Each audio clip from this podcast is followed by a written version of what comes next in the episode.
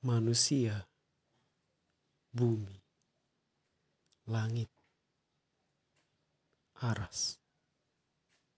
Mereka adalah makhluk Allah.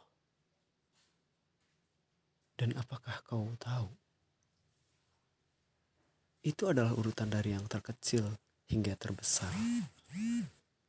Masihkah kau akan bersifat sombong?